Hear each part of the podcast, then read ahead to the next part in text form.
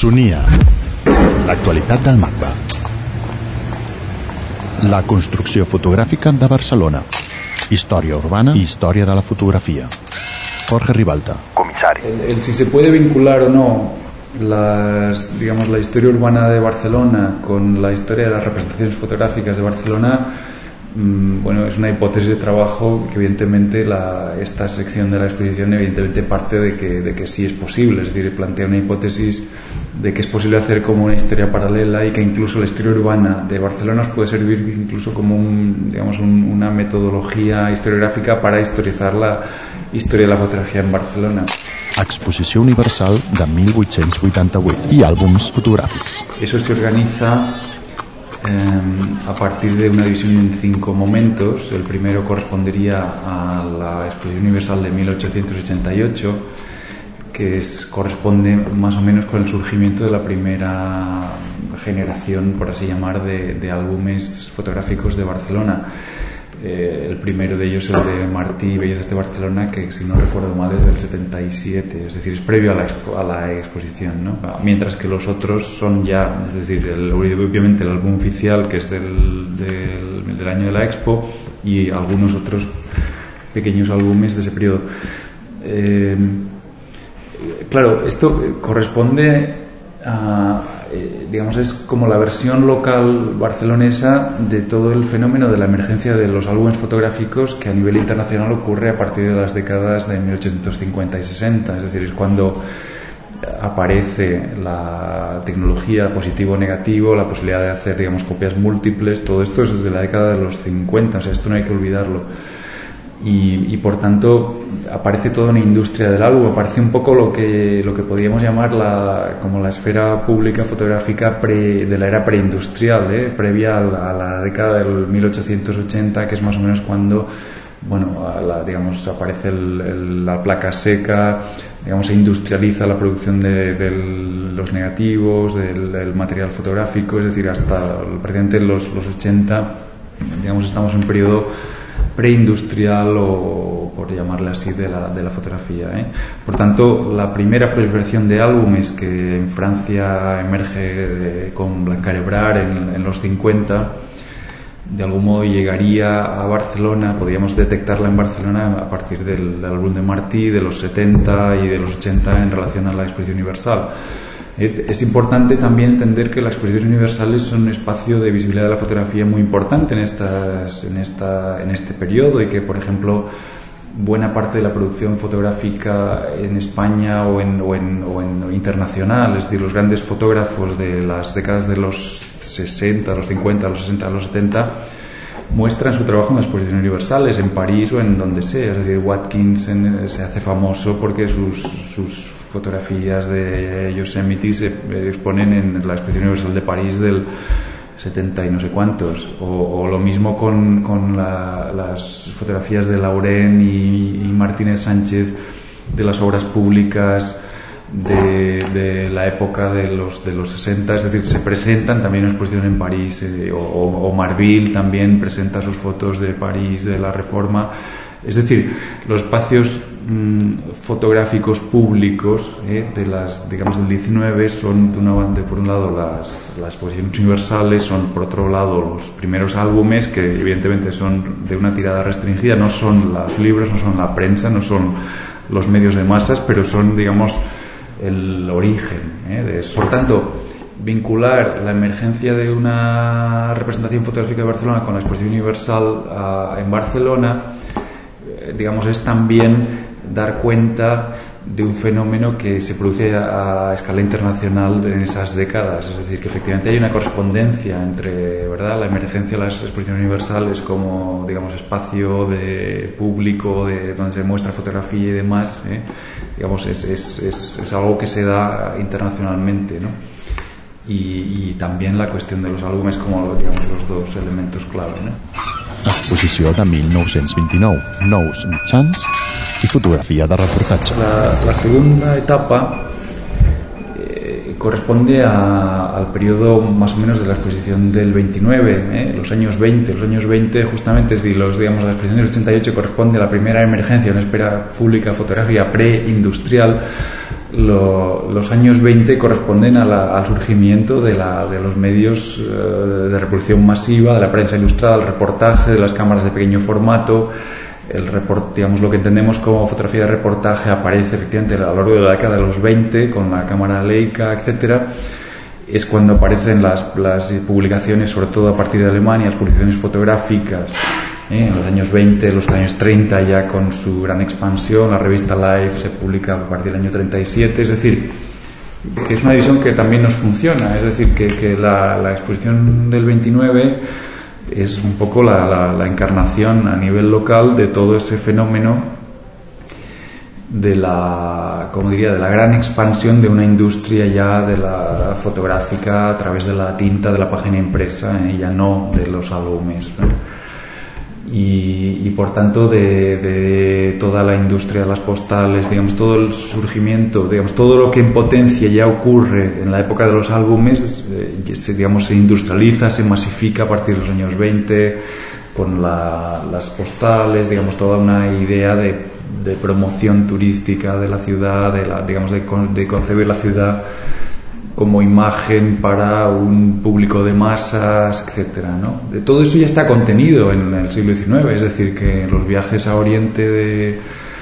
de Duchamp o Fritz ya están pronosticando ¿eh? digamos toda digamos toda la, industria de la imagen del siglo XX es decir, ya, ya está ahí en digamos en contenido en potencia ¿eh? lo que ocurre que cuando eso se materializa es a partir de los años 20 Període franquista y poéticas neorealistas la tercera etapa corresponde al franquismo y a las poéticas un poco neorealistas eh, que proliferan internacionalmente también, en, Italia, en Francia, en Estados Unidos. Es la época del neorrealismo en Italia, del humanismo en Francia, de los Duano, etcétera, y Ronis en Francia y tal.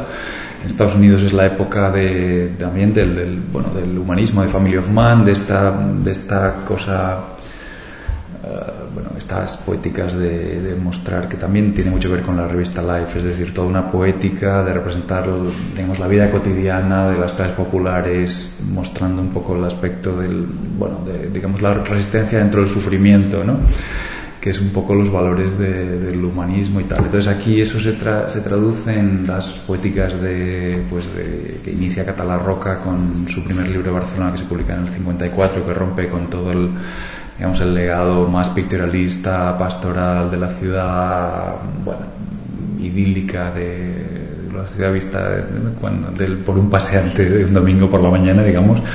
Eh, con Catalá Roca eso se rompe y empieza a aparecer pues una ciudad eh, pues que ha sufrido traumas de la guerra, que se, que, que se abre a nuevas oleadas de inmigrantes, bueno, eh, en fin, empiezan a aparecer las periferias, ya no es ya no es la visión un poco pastoral idílica de, de, justo después de la guerra, ¿no? Es decir, que ya entronca con las poéticas neorrealistas.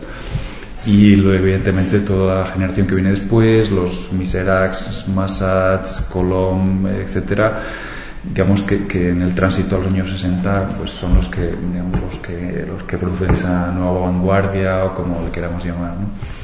Y es un periodo que, a mi juicio tiene la época dorada entre el 54, que es la publicación del libro de Catalá Roca, y el 64, que es la publicación de los libros de, de de Barcelona y Negro y de, Colón de Iza, Revistas y Colipoterras, que creo que es un poco marcan el punto final de ese, momento de innovación ¿eh? de la vanguardia neorealista. A partir del 64, lo que no quiere decir que no siga habiendo producción, aparecen, por ejemplo, también el libro de Forcano en el 64 sobre Barcelona, o el trabajo de Forcano algo de los 60. En los 60 creo que es muy importante también todo el trabajo de Maspons para el Patronato Municipal de la Vivienda, que documenta muy bien todos los polígonos de clase trabajadora que proliferan a partir de ese periodo.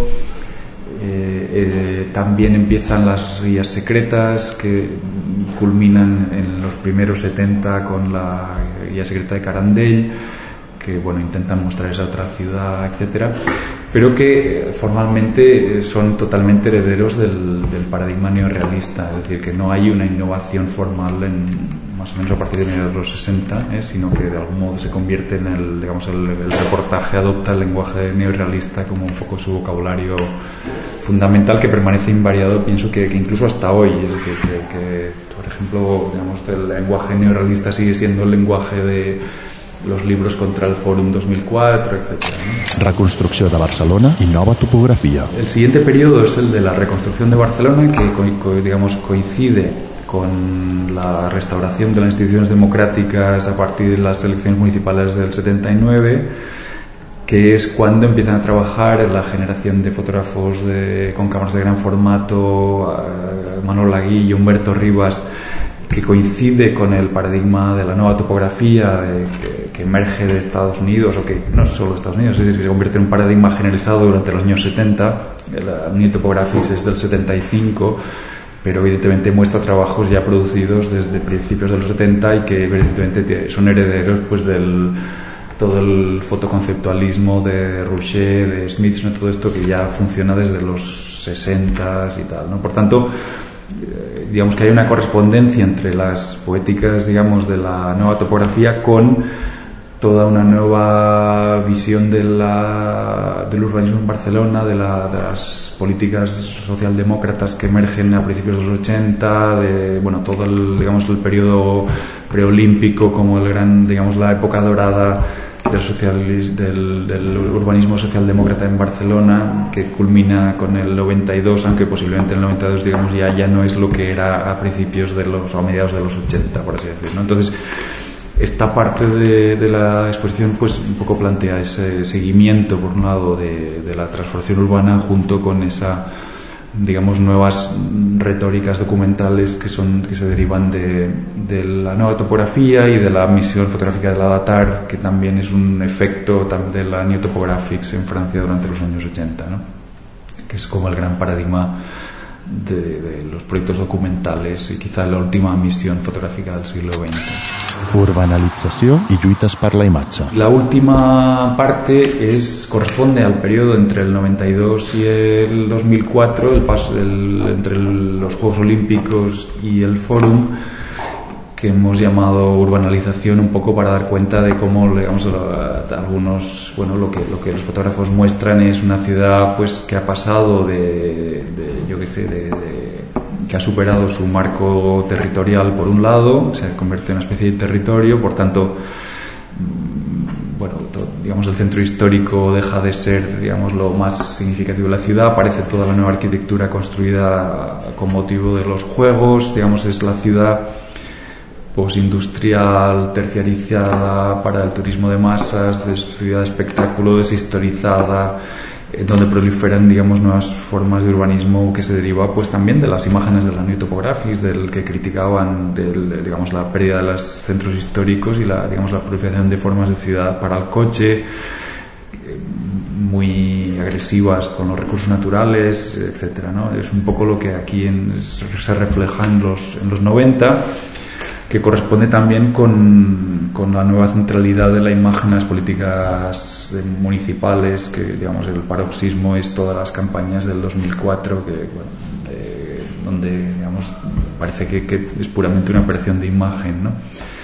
Y al mismo tiempo los movimientos sociales que también adoptan la imagen de una manera nueva, más sofisticada en, digamos, en las luchas metropolitanas y a partir de los finales de los 90, coincidiendo con la emergencia del movimiento antiglobalización, vemos que también aparecen nuevas, digamos que las guerras, las guerras por la imagen de la ciudad se convierten en unos espacios, digamos, centrales del conflicto social en, en Barcelona. 2007. Imatges metropolitanas de la nova Barcelona.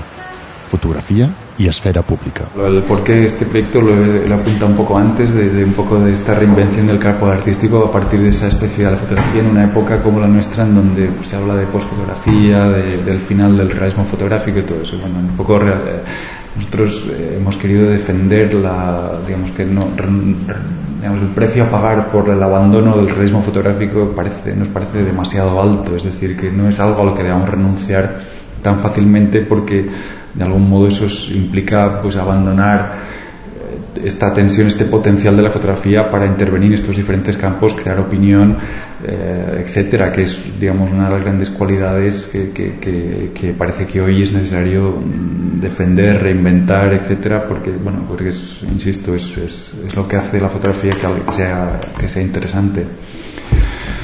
un poco este es el origen del, del proyecto, al mismo tiempo que eh, eh, forma parte pues, de estos experimentos de intervenir en la ciudad que hemos desarrollado en el museo en estos años y por tanto era también no solamente pensar sobre el estado de la fotografía hoy, sino también pensar sobre el estado de la ciudad y producir imágenes significativas de la ciudad actual y ojalá la ciudad futura del siglo XXI. También la idea es como antes decíamos, que, todavía los modelos neorrealistas persisten de manera muy fuerte, que incluso en Barcelona la imagen popular todavía es heredera de ese, de ese, de ese periodo y de esas estéticas, sí hoy podíamos producir nuevas imágenes, mm, digamos, que se pudieran apropiar de la percepción de la ciudad y, y permitieran pues entender, visualizar lo que hoy está pasando en la ciudad. ¿no? Transformacions de la Barcelona actual,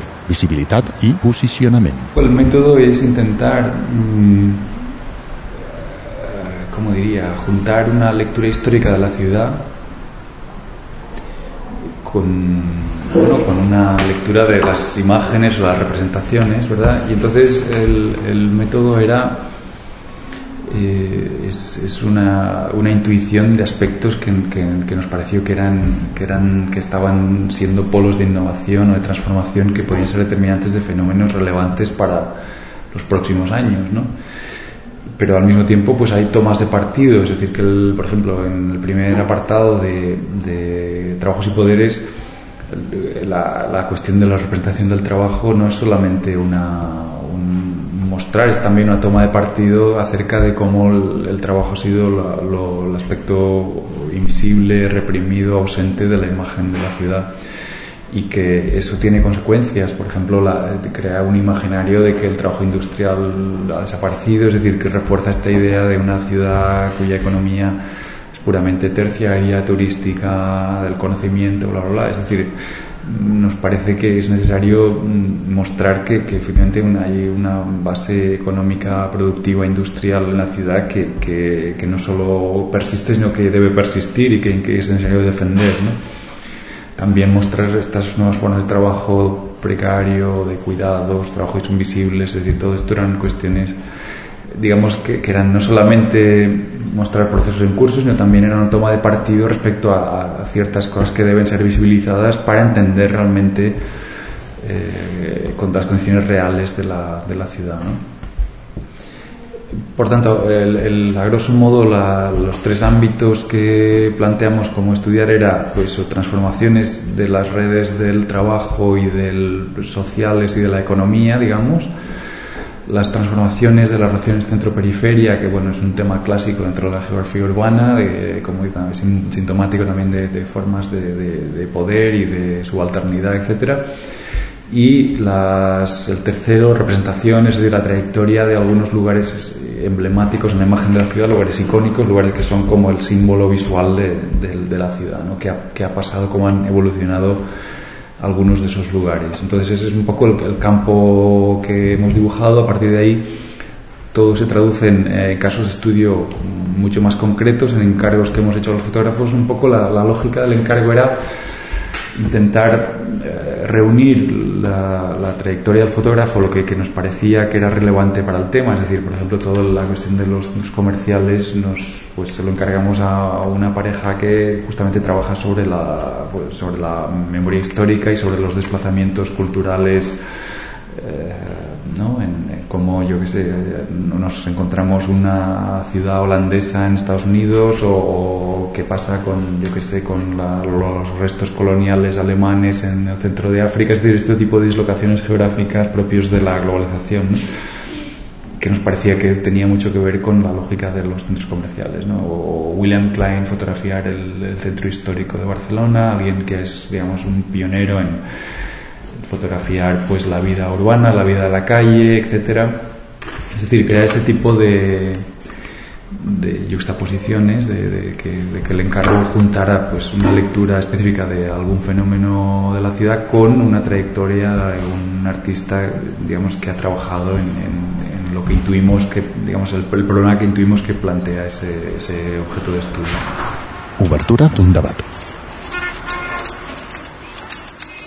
Nosotros somos reticentes a la hora de, plantear conclusiones, es decir, intentamos que el proyecto sea interrogativo y sea, digamos, plantee bien las preguntas de la ciudad actual, eh, más que mm, digamos, llegar a conclusiones definitivas, no deja de ser, digamos, las imágenes, digamos, su potencial es más servir para materializar un poco las sensaciones y la percepción y, lo, lo, que está pasando, los procesos en curso, Mm, y, nuestro objetivo no era tanto de, establecer conclusiones definitivas con este trabajo, sino abrir un debate que debe ser de algún modo que, el, éxito del proyecto sería que, efectivamente ese debate se produjera, se produjera en términos productivos, ¿eh? en, una, en una época como esta, en donde bueno, el debate en Barcelona es más sobre la pérdida del modelo urbanístico de los 80, del modelo Barcelona y tal, y más, más esa pérdida que cualquier idea de, futuro o proyecto metropolitano para el siglo XXI. Es decir, ante esa ausencia, esperamos que estas imágenes ayuden a, a lo mejor a, anclar algún tipo de debate. ¿no?